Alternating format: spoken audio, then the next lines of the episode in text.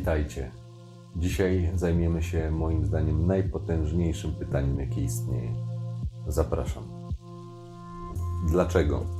Bo o tym pytaniu mowa jest moim zdaniem najpotężniejszym pytaniem, jakie tylko możesz zadać sobie i innym. Funkcjonowanie w tym świecie opiera się na kilku zasadach. Jedną z nich jest zasada przyczynowości. Mówi ona o tym, że każde zjawisko ma swoją przyczynę, a każda przyczyna ma swój skutek. Pytanie dlaczego poszukuje właśnie tej przyczyny. To pytanie zadawali sobie wielcy myśliciele, często dokonując przełomowych odkryć, w wyniku właśnie odnalezienia odpowiedzi na pytanie dlaczego. Są jeszcze inne istotne pytania, na przykład jak, ale moim zdaniem jest ono wtórne do pytania dlaczego. W zarządzaniu istnieje metoda oparta o potęgę tego pytania. Metoda nosi nazwę 5 razy why, czyli 5 razy dlaczego.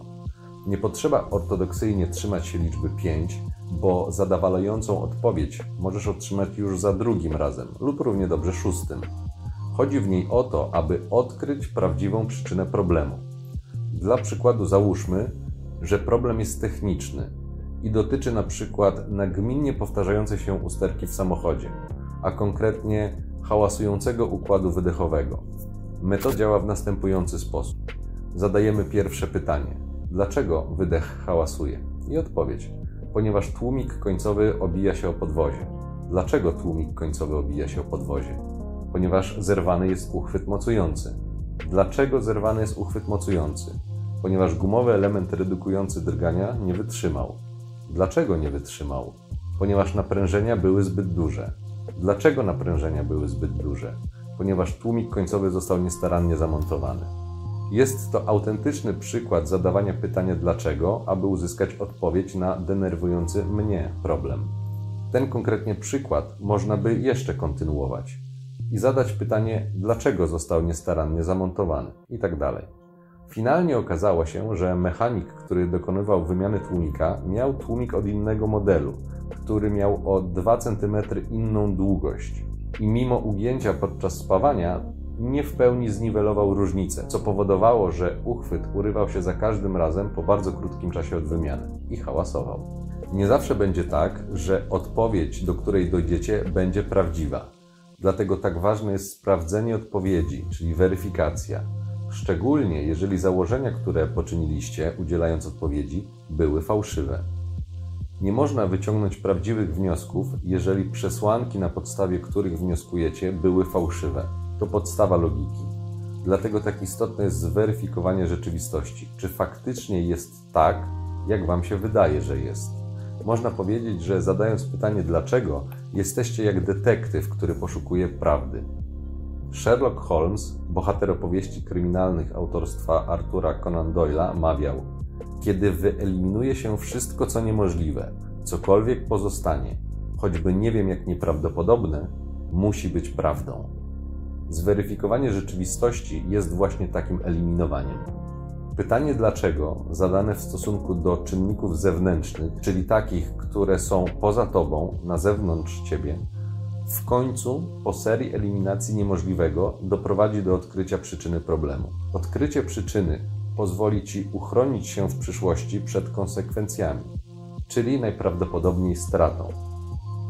Jest to podstawowa przyczyna, dla której powinieneś jak najczęściej zadawać to pytanie, a następnie zweryfikować swój wniosek. Pamiętaj, że jeżeli zadajesz komuś jakiekolwiek pytanie, to istnieje możliwość, że w związku z konfliktem interesów może nie udzielić Ci prawdziwej odpowiedzi. Omówiłem konflikt interesów w poprzednich odcinkach. Dlatego tak ważne jest, żebyś Ty samemu weryfikował słowa, bo w ten sposób zwiększasz zasób swojej wiedzy. W przyszłości zaowocuje to tym, że już nie będziesz musiał rozwiązywać tego samego problemu, bo już go znasz. Wiesz, jaka jest prawda, a dzięki temu oszczędzasz czas na jej poszukiwania. Bardzo dobrym sposobem na sprawdzenie czyjejś prawdomówności jest zadanie pytania, na które znasz odpowiedź. Jeżeli rozmówca udzieli błędnej odpowiedzi, to oznacza to jedną z dwóch możliwości: albo jest w błędzie, albo kłamie. Potęga tego pytania ujawnia się też w związkach. Z odcinka o przebudzeniu wiecie, że gdy wszystko układa się po waszej myśli i jest przyjemnie, nie będziecie zadawali pytań. Zachęcam was jednak do tego, nawet gdy jest przyjemnie i nie ma jeszcze problemów.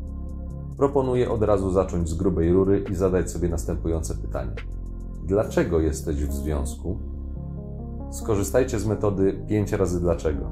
Podpowiem tylko, że jeśli zadacie sobie to pytanie, to pierwsze, co przyjdzie Wam do głowy, będzie prawdopodobnie prawdziwe, bez względu jak niedorzeczne może się Wam na początku wydawać. Nie ignorujcie takiej odpowiedzi, tylko przyjrzyjcie się jej kolejnymi pytaniami. Będziecie bardzo zdziwieni, do jakich wniosków możecie dojść. Jeżeli zrobicie to ćwiczenie, napiszcie proszę w komentarzu, czy wnioski, do których doszliście, były zgodne z Waszymi przekonaniami. Czy może dokopaliście się do czegoś, czego nie spodziewaliście się znaleźć? Po tym ćwiczeniu zorientujecie się, że możliwe są bardzo różne przyczyny, z których nawet nie zdawaliście sobie sprawy, ale które tkwią gdzieś w waszej podświadomości. Przykład takiego drążenia tematu znalazł się w filmie Testosteron. Wyobraźmy sobie, że nie ma kobiet na świecie. Jaki by pan miał powód, żeby mnie zabić? A widzi pan. Komórkę mógłbym panu zabrać. Dzwoniłbym sobie do jakichś fajnych dup. Dup nie ma! Umawialiśmy się. O, to do pana Fistaka bym se zadzwonił. I o czym byście sobie gadali? No jak to o czym? O dupach. Y, o piłce nożnej na przykład. O, o, no o piłce nożnej byśmy zagadali. A nie byłoby piłki nożnej. No jak to by nie było? Dla kogo grają piłkarze? No, grają dla kibiców. I pan w to wierzy. Dla sławy? Dla pieniędzy. A po co im ta sława i te pieniądze? Żeby sobie kupować fajne i szybkie bryki. I po co im te fajne, szybkie bryki? No, Żeby... Żeby bajerować dupy! Dlaczego tak uważam? Dlaczego tak myślę? Z jakiego powodu uważam akurat tak? Gdy będziecie już sprawnie posługiwali się pytaniem dlaczego w stosunku do samego siebie, proponuję, abyście zaczęli posługiwać się tym pytaniem w stosunku do innych. Na początku możecie zapytać wprost. Na przykład, poprosiliście kogoś o drobną przysługę. Jeżeli otrzymaliście odmowę, zapytajcie tej osoby o powody. Na przykład, dlaczego nie pomożesz? Uczulam Was na formę zadawanego pytania. Istnieje ogromna różnica między pytaniem dlaczego nie możesz mi pomóc i dlaczego nie chcesz mi pomóc. Pierwsze pytanie posiada w sobie ukryte założenie, tak zwaną presupozycję. Założenie jest takie, że osoba nie może Wam pomóc z obiektywnych, leżących poza jej mocą sprawczą przyczyn. Na przykład na pytanie o pomoc w przeprowadzce lub przewiezieniu Was gdzieś, ktoś powie, że ma zepsuty samochód lub złamaną nogę.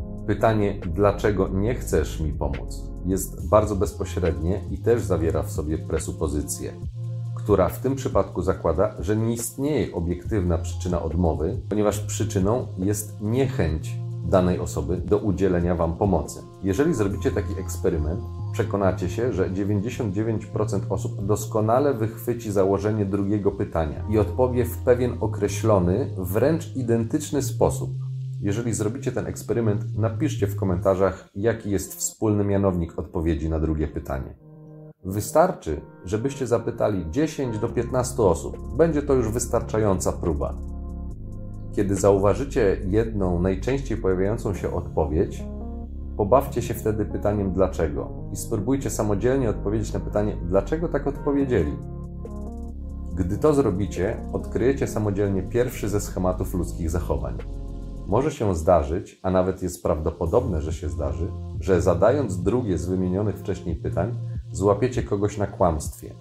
Na przykład, poprosicie kogoś o podwiezienie, otrzymacie odpowiedź, że nie jest to możliwe, bo mają zepsuty samochód, po czym tego samego dnia lub wieczoru zobaczycie tą osobę jadącą tym rzekomo zepsutym samochodem, lub zobaczycie ją podczas gdy deklarowała, że jest obłożnie chora. Możliwości jest wiele. Wiele lat temu przeprowadziłem następujący eksperyment. Oglądając głównie telewizję z trzema literami w logo, zauważyłem, że bardzo mocno atakują pewną rozgłośnię radiową z Torunia. Postanowiłem więc posłuchać audycji tej rozgłośni i trafiłem na ciekawy cykl pod tytułem Rozmowy niedokończone. Gościem jednej z audycji był pan profesor. Przedstawiony był jako specjalista w swojej dziedzinie. Akurat tak się złożyło, że temat audycji był mi dobrze znany. W związku z tym zadałem sobie trud do dzwonienia się do audycji, ponieważ formuła programu na to pozwalała i zadałem pytanie, na które znałem odpowiedź. Pytanie nie było ani nieeleganckie, ani niepoprawne politycznie. Brzmiało: Dlaczego Polska w ciągu 30 lat od 1980 roku powiększyła swoje PKB tylko dwa razy, a Chiny 10? Ku mojemu zdumieniu profesor zaczął kluczyć i odpowiadać jak polityk. Pochwalił mnie za bardzo dobre i cenne pytanie, które zdradza dużą wiedzę i orientację w temacie, i że on sądzi, iż uważa, że w zasadzie to bardzo się cieszy. Dobrze, dziękuję. Dużo słów, mało treści. W rezultacie nie odpowiedział na pytanie. Był to dla mnie mocny sygnał ostrzegawczy, że coś jest nie tak. Przez grzeczność założyłem, że profesor uniwersytetu ma jednak trochę większą wiedzę w tej dziedzinie ode mnie, a mimo to nie odpowiedział. Zadałem sobie więc pytanie, dlaczego nie odpowiedział? Był profesorem, a pytanie było dość proste. Niegrzecznie byłoby podejrzewać, że nie wiedział, więc odpowiedź musiała być taka, że nie odpowiedział, bo nie chciał. No dobrze, ale dlaczego nie chciał odpowiedzieć? Ponieważ komuś bardziej zależało na tym, żeby nie odpowiedział. Dlaczego komuś zależało, żeby nie odpowiedział? Bo nie miał w tym interesu, czyli musiał mieć inny interes. Skoro rozgłośnia deklaruje, że jest propolska i patriotyczna, to dlaczego ma inny interes niż postawienie prawidłowej diagnozy problemu? Ponieważ nie jest prawdziwie zainteresowana zmianą stanu rzeczy. I tak dalej. Pytań można mnożyć. Doszedłem wtedy do wniosku, że każdy sieje swoją propagandę, przedstawiając obraz rzeczywistości w sposób zgodny ze swoją linią polityczną. Dlatego oglądając programy informacyjne różnych stacji telewizyjnych, można odnieść wrażenie, że relacjonują wydarzenia z różnej, najczęściej swojej perspektywy lub przez swój pryzmat. Na marginesie tego przykładu dodam tylko, iż największą czujność należy zachować wtedy, jeżeli wszystkie wiadomości, fakty, wydarzenia mają taką samą narrację. To najczęściej znaczy, że akcja propagandowa jest skoordynowana na wyższym poziomie, wyższym niż redakcje poszczególnej stacji. Podsumowując, dlaczego, po co, czemu, z jakiej przyczyny to synonimy frazy, której podstawowym zadaniem jest poznanie przyczyn jakiegoś działania lub jakiegoś stanu rzeczy. Poznanie przyczyny pozwala w przyszłości przewidzieć konsekwencje. To nauka. Nauka daje wiedzę, a wiedza daje możliwości, otwiera oczy i oszczędza czas. Dlatego musicie wiedzieć. Gdy zadajecie pytanie dlaczego, stajecie się trudniejsi do kontroli i manipulacji, a to automatycznie powoduje, że jesteście silniejsi. Im silniejsi będziecie, tym rzadziej będziecie wykorzystywani. Posłuszmy się teraz cytatem. Ludzie odchodzą, czasem zawodzą, lecz zawsze potem pytania się rodzą Kiedy ludzie zrozumieć nie mogą, wtedy odpowiedź przynosi zabobą Dlaczego ludzie wrogo podchodzą do tego, czego nie mogą pojąć Jedni się boją, drudzy się śmieją, tylko dlatego, że nie rozumieją czy masz rozum, tym samym? Masz swoje zdanie Masz prawo wyboru, masz sposób, masz rozwiązanie swych kłopotów. To sposób dziś na przetrwanie. Czytaj, ucz się, bez tego jesteś słaby. Dziś masz wiedzę, albo jesteś sterowany. Łykasz jak pelikan, każdy farmazon władzy Lub analizujesz świat i królowie są nadzy. W imię czego? Nie ma być wolności, ja się pytam I będę o to pytał wciąż, jak zdarta płyta. I właśnie o to chodzi. Ciąg dalszy nastąpi.